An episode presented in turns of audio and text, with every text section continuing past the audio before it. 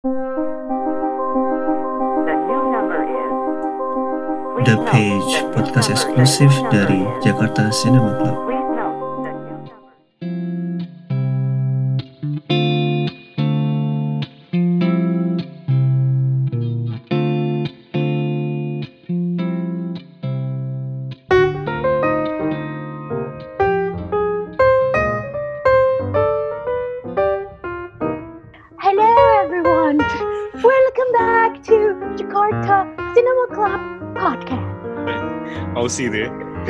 Langsung recording BBC ya. So how's everything everyone doing today? Jadi gimana hari ini kawan-kawan? Kita balik lagi di Jakarta Cinema Club, The Page.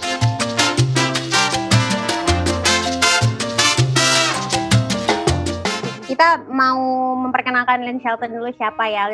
Lynn Shelton itu adalah seorang filmmaker dia dari Amerika yang sayangnya tahun 2019 ya meninggal ya Tahun lalu, tahun lalu. tahun 20. 2020 ya meninggal. Nah dia itu eh, adalah pertama ya yang gue suka gue baca sedikit sih sebenarnya gue nggak gitu Iya. tahu backgroundnya nggak terlalu banyak ya dari Lynn Shelton tapi yang yang yang gue tahu adalah she started her career pas dia udah di atas 35 which is I'm happy gitu. Jadi dia sebelumnya dulunya editor eh, dan dia ambil kayaknya dia ambil fine art or something sebelumnya ya yang untuk Wow. masih kuliah Mhm. gitu. Terus FSRD. uh, atau atau fotografi gitu gue lupa pokoknya salah satu is, is, uh, is another form of art terus habis itu dia jadi editor film lalu pas jadi editor film dia sebenarnya udah tertarik tuh di saat itu untuk jadi director cuman dia nggak pede gitu dia ngerasa kayak waktu itu umurnya udah sekitar 35-an gitu terus dia yang kayak aduh gue belum start nih I think I'm too late gitu Hmm. terus habis itu cuman dia nonton filmnya si Claire Denis Uh, terus Claire Denis waktu itu mulai pada umur 40 gitu. Jadi dia ngerasa kayak oh she started late. Gue juga bisa gitu. Terus akhirnya dia mulai sih dari situ dia bikin film pertamanya. Ada yang tahu nggak film pertamanya? Gue agak-agak lupa judulnya.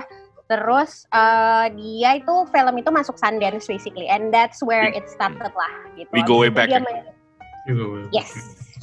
Uh, which is itu based on her uh, herself kayaknya waktu dia masih muda kalau nggak salah.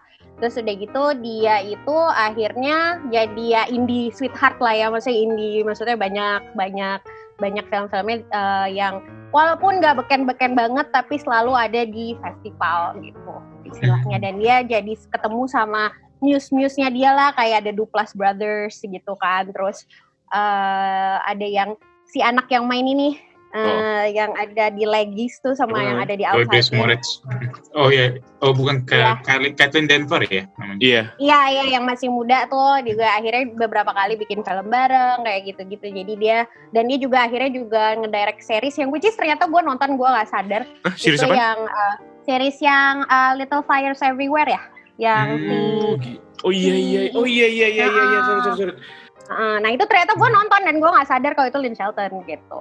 Uh, Itu tuh emang temanya tentang dan itu kan dia sering ngomongin tentang hubungan racial issue di Amerika gitu dan uh, filmnya tentang itulah pembahasan tentang Oke, episode siapa Mad Men mau- juga ya. Oh iya ada Mad Men juga dia pernah.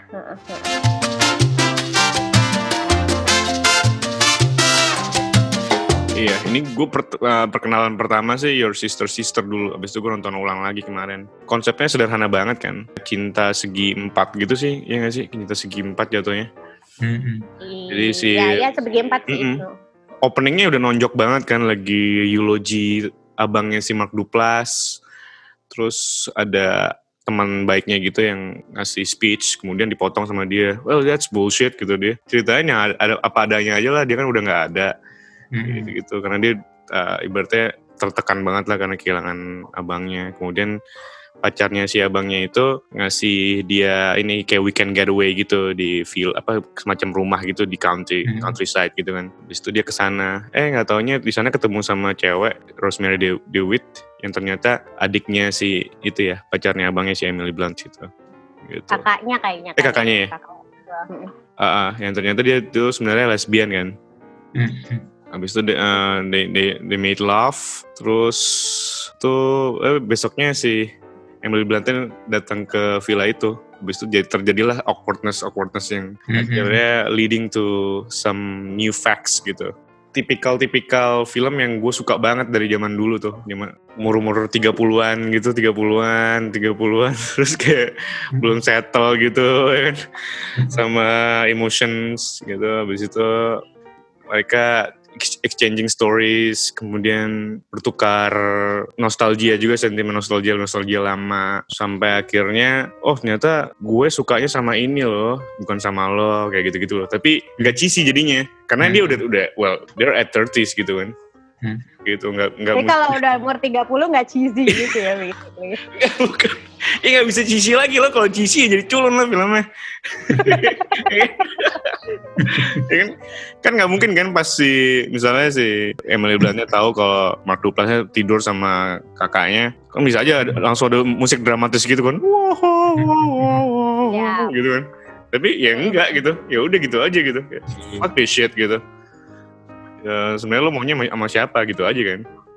Cuman sebenarnya yang krusial di sini sih eh, yang pasti menarik banget buat kita diskusin kan adalah si Rosemary DeWitt kan dia lesbian. Turns out dia pengen punya anak.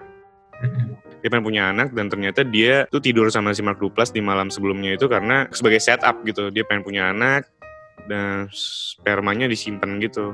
Eh so- sorry, Eh, kondomnya bocor gitu. Sengaja dibocorin. Iya Mhm. iya. vulgar, vulgar banget.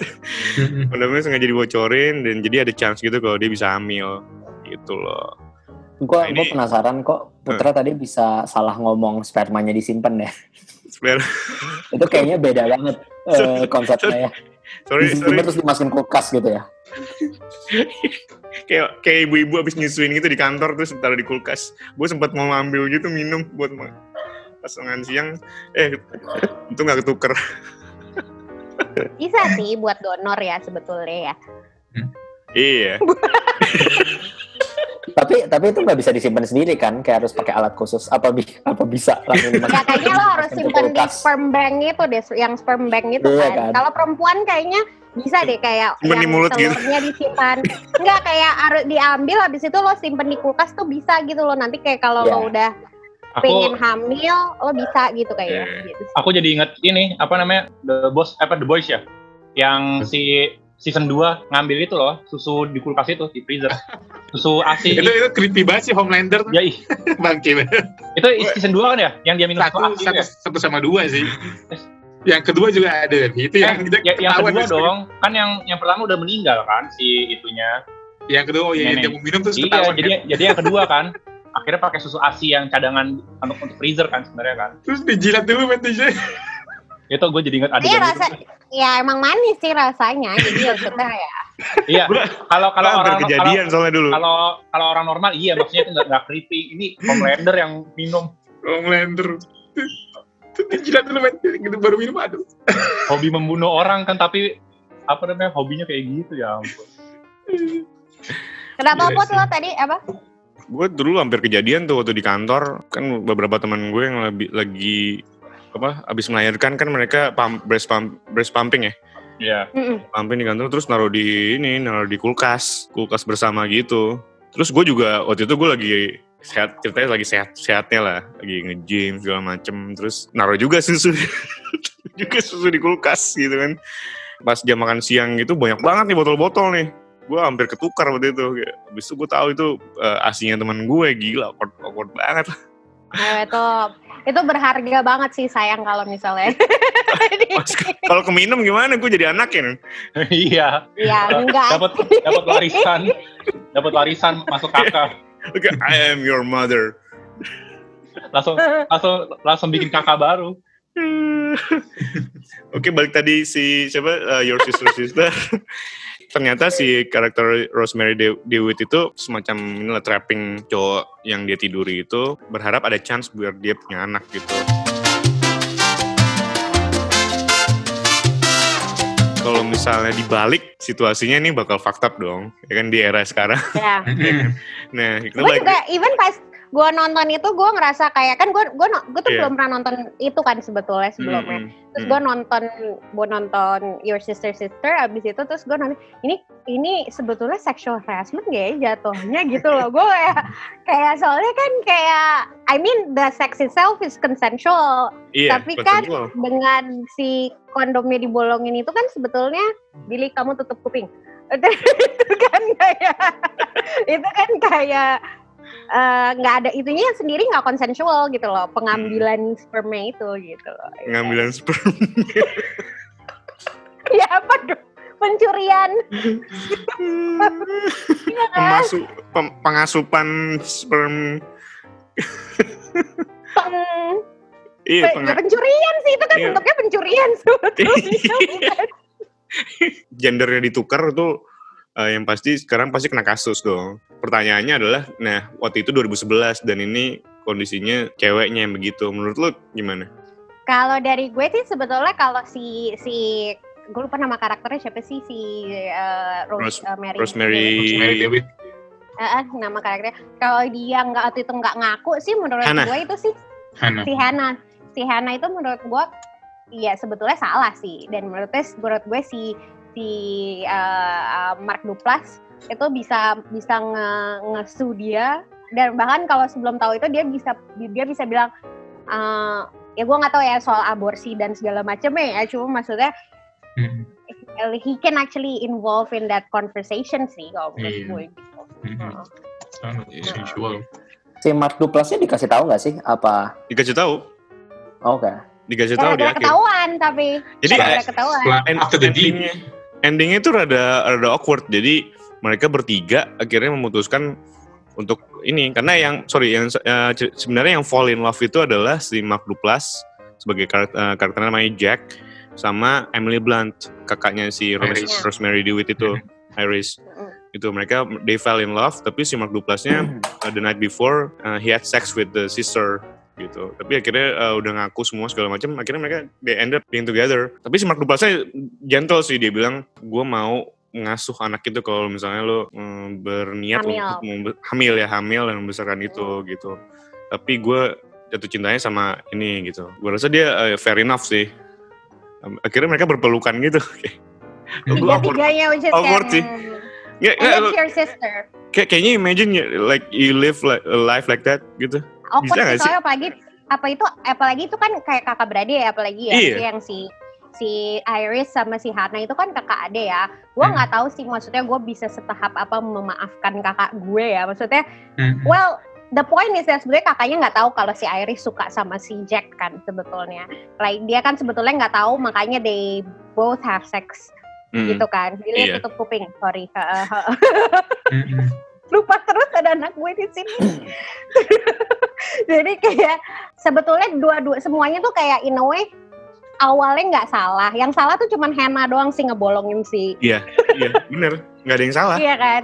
Tadinya nggak ada yang salah gitu menurut gue. Cuman setelah itu gue nggak tahu sih maksudnya se- sebisa terima apa gue sebagai sebenarnya sebagai misalnya itu kakak terjadinya ke kakak gue, terus udah Iya. gitu gue pacar pacar gue atau suami gue Tara, misalnya. itu Tara sama kakak lo Nah, dong. Ya, Gue kan punya kakak cewek beneran. Kayak contoh- kan contohnya itu contohnya itu misalnya. ya, misalnya.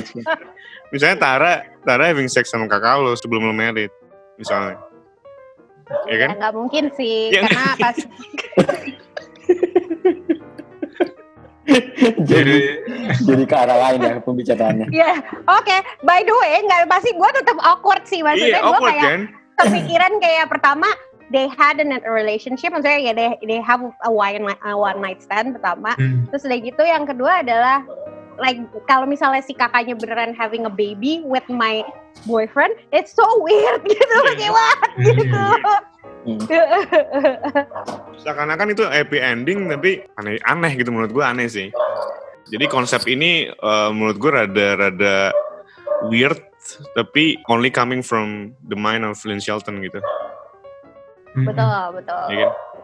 Dan ini ini ini ditulis sama dia sendiri kan ya Iya. ini ya? bener. Heeh. makanya.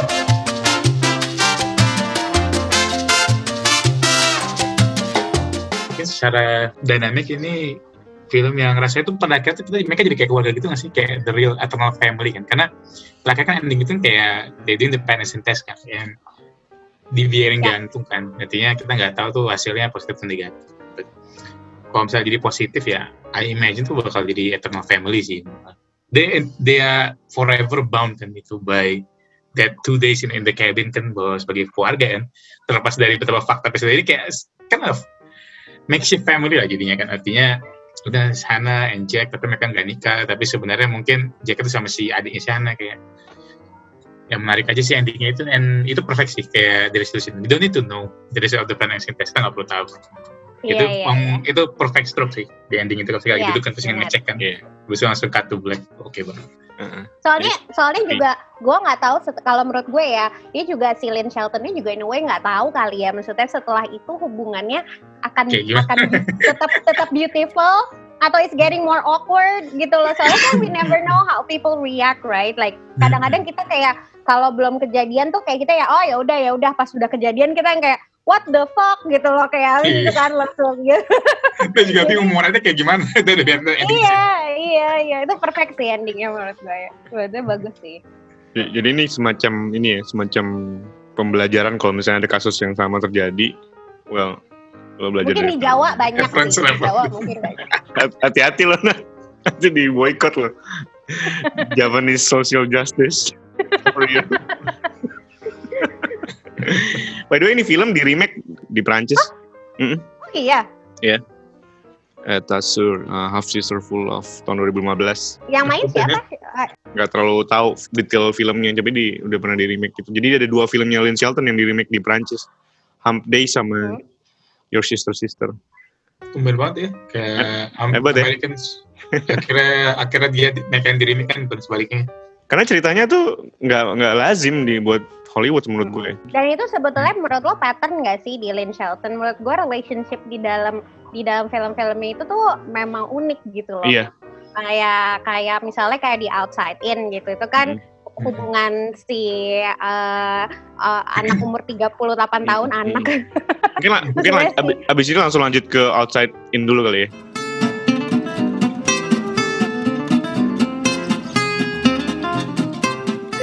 Jadi nah di Outside In itu tuh kan eh, tentang hubungan seorang napi yang baru keluar dari pen- penjara sama orang eh, sama gurunya yang 20 tahun lebih tua lah ya istilahnya mungkin ya. Jadi eh, dan itu kan sesuatu yang nggak biasa kita lihat di film Hollywood ya. Maksudnya kan or Hollywood is very glamorizing hubungan antara either seumur atau enggak laki-lakinya lebih tua, perempuannya lebih muda.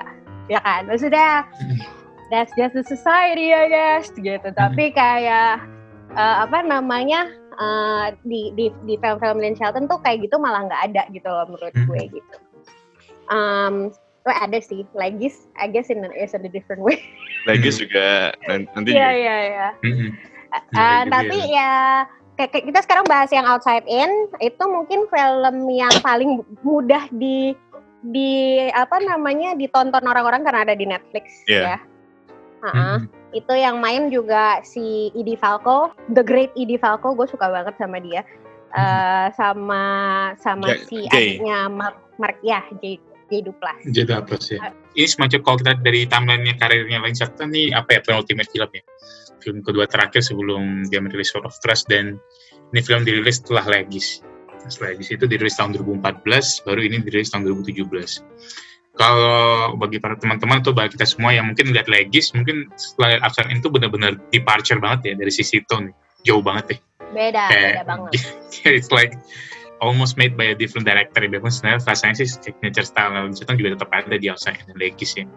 So ini beda dengan Legis yang benar-benar itu mengambil karakter apa ya karakter yang kelas middle class. Nah kalau misalnya di Outside ini benar-benar eh, ini ditaruh di apa ya di American bagian Amerika yang beda lah eh, secara sosioekonomi dengan Legis kan. Ini Iya. kita mengenai eh, seorang karakter kan yang dimainkan oleh Mark Douglas kan eh, namanya Chris Connolly. So dia baru jadi film itu dimulai J- dari dia itu Jadi Douglas man. J, eh, J Douglas ya, ya, kakaknya dari Mark Douglas. Jadi namanya Chris Connolly nama karakternya. Yang di shot pertama itu kita ngeliat dia tuh lagi di mobil lagi jalan pulang, lagi jalan lah diantar sama adiknya kan.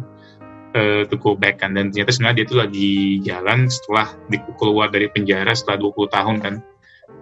Stay di situ gara-gara suatu crime yang dia nggak komit kan. Yang orang-orang paling tidak orang terdekatnya tahu tuh dia nggak komit crime itu. Kan. dia uh, just a good Samaritan that was uh, in the wrong place at the wrong time.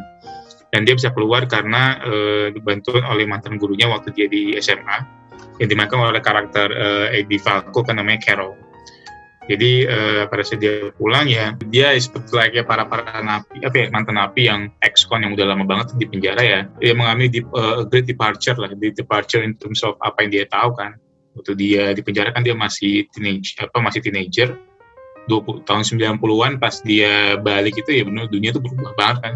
Smartphone terus orang-orang juga makin tua teman-teman dia yang dia tahu juga teman manis sudah punya anak gitu kan. Dia benar-benar struggling lah to adjust dan dia juga nggak bisa bebas banget kan ke mana-mana karena sebenarnya kan dia masih dicekin sama pemerintah dia mesti sifatnya masih on paro artinya the term terus dia juga kesulitan untuk bisa melamar kerja kan ya, dan sebagainya. Dan uh, the only person the only connecting tissue ya the person that uh, yang menolong dia waktu dia di penjara dan juga sekarang orang yang semacam apa ya emotional uh, yang apa orang yang bisa dia dekat secara emosional itu adalah karakter si Eddie Falco kan yang dimainkan oleh Carol. Jadi uh, dia ini dulu nolongin si karakter Chris Nolan tuh bisa dia memberikan advokasi ya supaya dia bisa keluar. Si Carol ini juga pada saat the, dan Carol ini juga orang yang mungkin memberikan perhatian yang paling baik, paling lebih ya paling banyak kepada karakter Chris kan bahkan uh, teman-teman sama adiknya sendiri kan sudah sibuk dengan kehidupan mereka sendiri. Carol yang sebenarnya secara pribadi sebenarnya banyak bermasalah ya. Kehidupan rumah tangganya nggak gitu bagus ya dia juga menemukan semacam apa ya breath of fresh air lah dengan karakter Chris kan. Dia secara seksual kan. Karena dia di rumah tangga nggak gitu bagus situasinya. Terus hubungannya dengan istri, suami dan anaknya juga agak strain. Dari awal tuh udah sexual tensionnya udah kelihatan banget sih antara Chris dan Carol and pada saat uh, di film itu mereka having sex itu udah sesuatu yang inevitable nih.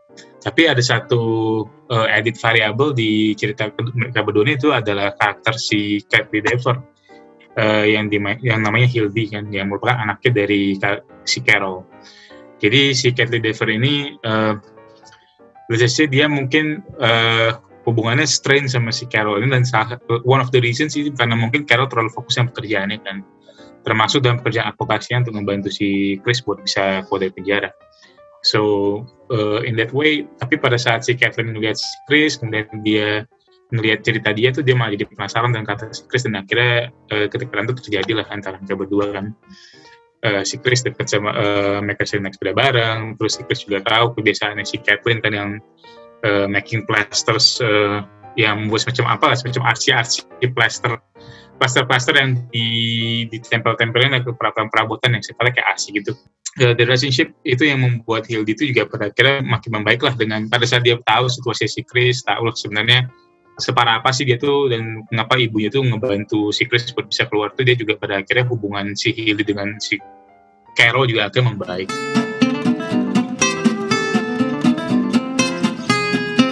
Kalau kita lihat dari helikopter review ini sebenarnya cerita simple arti cerita mengenai seorang ex-con yang dia itu mencoba to adjust to a new life, a new life outside of the bars setelah 20 tahun dan juga uh, orang-orang yang tanpa disadari hidupnya dia, dia juga ubah kan dengan uh, interaksi dia dengan orang-orang ini termasuk uh, terutama dengan Carol dan Hildy. And kalau menurut gue sih J12 ini penampilan terbaik yang, yang gue pernah lihat ya. Karena Between the Brothers kan sebenarnya yang gue difahami dengan Mark Duplass ya sebenarnya. Artinya kalau kita ngeliat film-film kayak saya, uh, Safety No Guarantee atau mungkin Sister Sister kan sebenarnya kayaknya itu Mark Duplass yang lebih sering muncul di depan kamera kan. Terus sebenarnya J12 juga punya talent yang sama tuh malah, malah lebih ini membuka mata dia pun membuka mata gue banget karena selain dia pernah main di TV show Amazon namanya Transparent.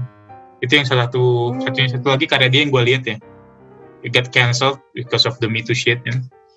Sama ini nih kedua nih yang gue lihat dari uh, karya Jack Duplass and menarik sih karena kedua saudara ini kayak mereka saudara tapi kayak beda, banget ya. Secara muka beda secara stylenya juga beda gitu. Jadi kayak cara ngomongnya beda, sama sih. Cara ngomongnya sama ya yeah. kayak gini so in that regard ya J Duplass ini juga gue bisa lihat selama ini kalau gue lebih familiar dengan Mark Duplass ya secara yeah. act, sebagai aktor gue lihat J Duplass itu nggak kalah juga secara talent So that's that. Terus karakter Katy Dever juga Eddie Falcon juga oke okay banget. Pas Devor tuh menarik sih karena sebelum ini kan gue lihat dia tuh kan selain di Legis kan gue lihat dia di film itu yang namanya Booksmart kan. Wih gila, Booksmart Ya, keren iya. banget. Iya keren banget kan. Itu kan dia kan karakternya kan kayak udah benar kayak cerah banget gitu kan. udah benar kayak it's a full blown full blown komedi lah. Di sini kan ternyata kan lebih lebih gelap ya. First time I've seen her uh, play that is a bit dim, lebih bleak lah. Dia pun sebenarnya nggak nggak depresi banget. And she did a good job. Jadi Duplas nulis juga buat Outside In. Nulis juga ya. Hmm. gue yang gue suka dari outside ini itu adalah eh, apa ya kayak gue ngerasa eh, penggambaran dari kayak society-nya itu loh kayak si eh, karakternya yang si Chris baru keluar dari dari penjara tapi everyone else is actually lagi di penjara tau nggak lo? Masing-masing karakter tuh kayak lagi di penjara and they're Iya. trying to go out from the penjara gitu jadi kayak lo keluar dari penjara not necessarily you're going to be free gitu kan. Dan terus ada kalimat dari si pro officernya kan yang bilang yang uh, it's a long shot kan kayak lo lo free sekarang but it's a long shot actually kayak you think you're you're free but you're not gitu. Dan itu Mhm. kayak beneran kayak kita tuh sebagai society tuh beneran banget kayak terikat gitu dengan banyak-banyak hal yang membuat kita uh, jadi kayak rasanya terpenjara gitu kan. Nah, tapi yang sedih tuh menurut gue kotanya tuh emang dark banget gitu loh. Hmm. the whole kayak lo emang rasanya kayak gue sih udah pasti pindah dari kapan tahun sih. Kalau pas gue lah tahu lahir gue di situ gue kayak mam 18 bye. Gue udah Iya. go out gitu. Ya sih depresi depresi banget kotanya sih. Gelap dingin.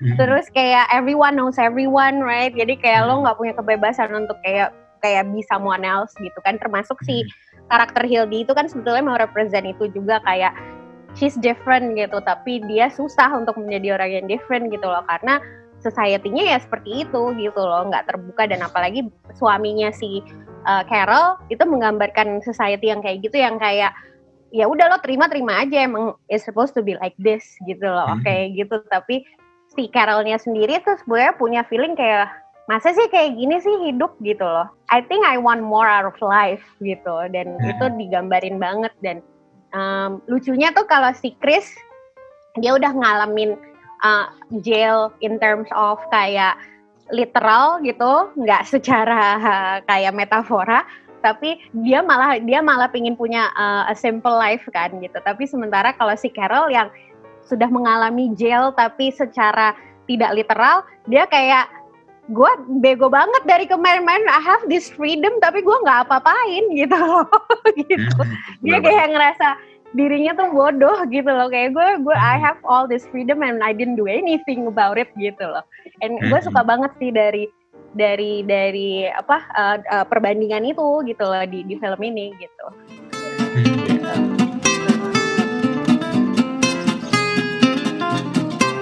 Film-film yang terjadi di masa kini sebagai konsekuensi dari masa lalu gitu. Hmm. Tapi masa Hmm. lalunya itu penting banget, tapi nggak dijadiin flashback gitu. Kita, kita kayak mengira-ngira gitu, apa sih sebenarnya yang terjadi di masa lalu ini? Akhirnya mereka Yap. dijelasinnya dari kata-kata doang, dari verb, secara verbal benar conversation. Gitu. Gue suka banget seperti itu. Dari awal kan kita, gue sama Melanie kayak bertanya-tanya kan, aku nonton sama kamu kan? Eh. gue kadang-kadang gue nonton sendiri so. Ini J2 Plus-nya nggak kemudaan nih buat si Eddie Falco. Maksudnya si Chris-nya nggak nggak ketuaan ya, eh kemudaan ya buat Carol nih. Atau si Carolnya nggak ketuaan buat si Chris. Tapi akhirnya kita dikasih tahu kalau emang bener nih emang usia mereka jauh gitu. Dikasih Hmm. tahu kan sama si Carolnya, I, I might be your mother, you know, kata dia gitu. Bukan kayak yang kita nggak dikasih tahu apa-apa gitu nih, emang oke mungkin si kayak si Chris emang awet muda, si Carol mukanya tua gitu. Nggak gitu gitu Iya, emang. iya, iya. Eh, habis itu habis itu kita dikasih hint lagi kenapa sih mereka bisa fall in love gitu loh jadi sepanjang si kehidupan si Chris di penjara bagaimana dia dap- bisa dapat hope itu dari dari Kel dan dan sebagainya sampai akhirnya dia jatuh cinta gitu loh gue suka gue suka banget itu it's very beautiful for me gitu apa yang terjadi antara Chris dan Carol tadi yang lo bilang penjara eh, sebagai metafora kan itu kehidupannya si Carol banget kan. Dia Mm. dia nggak bertegur sapa sama suaminya tidur juga pisah gitu kan. Habis itu dibilang we need to talk gitu ke suaminya tapi dia bilang ngapain? Ini kan udah normal gitu menurut gue itu tai banget sih Hmm, ya terima aja gitu apa adanya. men. Iya, heeh. sampai akhirnya mereka ke gap gitu kan si Chris sama Carolnya tidur di motel bareng terus pagi-paginya ataunya ada Ketahuan. suaminya di resepsionis sama anaknya. Tapi ini in a way cinta segitiga juga ya nggak sih antara si Chris, Iya. anak Segi empat juga kan si Iya, Hildy I think iya, iya. has a, a bit of crush Iya, on Chris kan gitu Hmm, kan. hmm. Nah, sorry sorry tadi tadinya gue kayak uh, outcasting suaminya si Carol Eh, Gak dianggap ya. ya Hildy-nya juga juga punya crush gitu sama si Chris dia tiba-tiba Mhm. datang ke apa ibaratnya man cave-nya si Chris tempat dia tidur Mhm. kemudian dia tiba-tiba tidur di belakangnya meluk dia gitu dia punya empati gitu ya gimana masa gue pacarin anak anak sama ibunya Ya maksudnya itu akan lebih bermasalah sih sebetulnya kalau Chris sama si Hildy karena si Hildy itu masih underage kan. Iya, situ. betul. Ah, tapi kalau ibunya sama si, maksudnya si Carol sama si Chris sebetulnya it's not really a problem because they're adults, right? Gitu kan, Hmm. gitu kan. Tapi masuk, tapi make sense sih menurutnya. By that point, by that age, I think you're both adults. You can actually decide gitu loh. Dan I think attractive uh, attractionnya mereka itu awalnya bukan something about it's probably real love I think deh. Iya. Soalnya it's, it's not about ya bukan seksual because it, kan- ya Carolnya juga ya nggak nggak menarik menarik banget Chrisnya ya ya lumayan lah oke Chris lah gitu maksudnya Iya. cuma maksudnya kayak cuman I think it's not that gitu it's more of their connection kan yang yang bikin mereka jatuh cinta lah satu sama lain and they try to understand one another gitu kayaknya Ah, dan ya it- sebetulnya that's really pure gitu gitu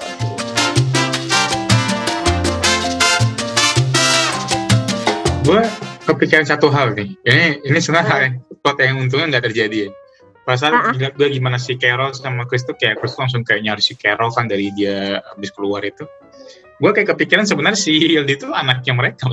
Jadi kayak Jadi Oh. sebelum dia masuk penjara terus kayak gue ada twist yang kepikiran sih gue kayak gitu sih. Jadi kayak gue pikir tuh Hildy itu karena ini 20 tahun kan terus Hildy kan juga nggak beda jauh kan. Maybe she's like 17 or 18 itu. Jadi kayak gue Mm. kira tuh si Hildy itu anaknya mereka. Terus kita mereka jadi kayak gimana gitu. Rupanya kakek sih untungnya ya. Gak sampai se melodramatik itu ya, which is good. mereka pernah bertemu gak sih sebelum Chris di penjara Si Chris sama kayaknya si pernah Carol. ketemu kayaknya oke Guru SMA. Nah, Chris sama Carol nggak sih? Kan guru SMA-nya oh iya Ya, dia kan guru SMA-nya. Terus habis itu pas si Chris dia tahu Chris itu di itu di apa di di di eh, apa masuk penjara tanpa sebetulnya dia nggak salah apa-apa ya kan maksudnya. Mm-mm. Dia kan jadi case kayak semacam case officer ya dia gitu yang ngebantu buat research gitu kan. Mm-mm. Nah, dari situ kan dia kayaknya sering ngejenguk tapi kayaknya penjaranya tuh tipe yang kayak lo nggak boleh pegangan gitu loh yang ada kacanya gitu kayaknya kalau dari descriptionnya gitu. Gitu. So they never actually have like berduaan aja gitu. Gitu kayaknya. kalau dilihat dari judulnya menurut kalian gimana nih? Outside in Oh iya, di luar, di, di luar dan dan di dalam. ini jadi kayak kalau Indo langsung luar dalam. Luar dalam jadi kayak onsang sula lagi Di, cewek cewek yang luar di dalam sama aja. Intinya Iya, gitu. Di luar di dalam Dalam sama. sama aja gitu. mending di dalam nih At least gue dibayarin makan kalau di dalam. by the way Eddie Falco ini sebenarnya gue nggak terlalu familiar sih Hmm. ternyata main. Dengar namanya tapi Sopranos ya. Iya. Iya, istrinya si Tony.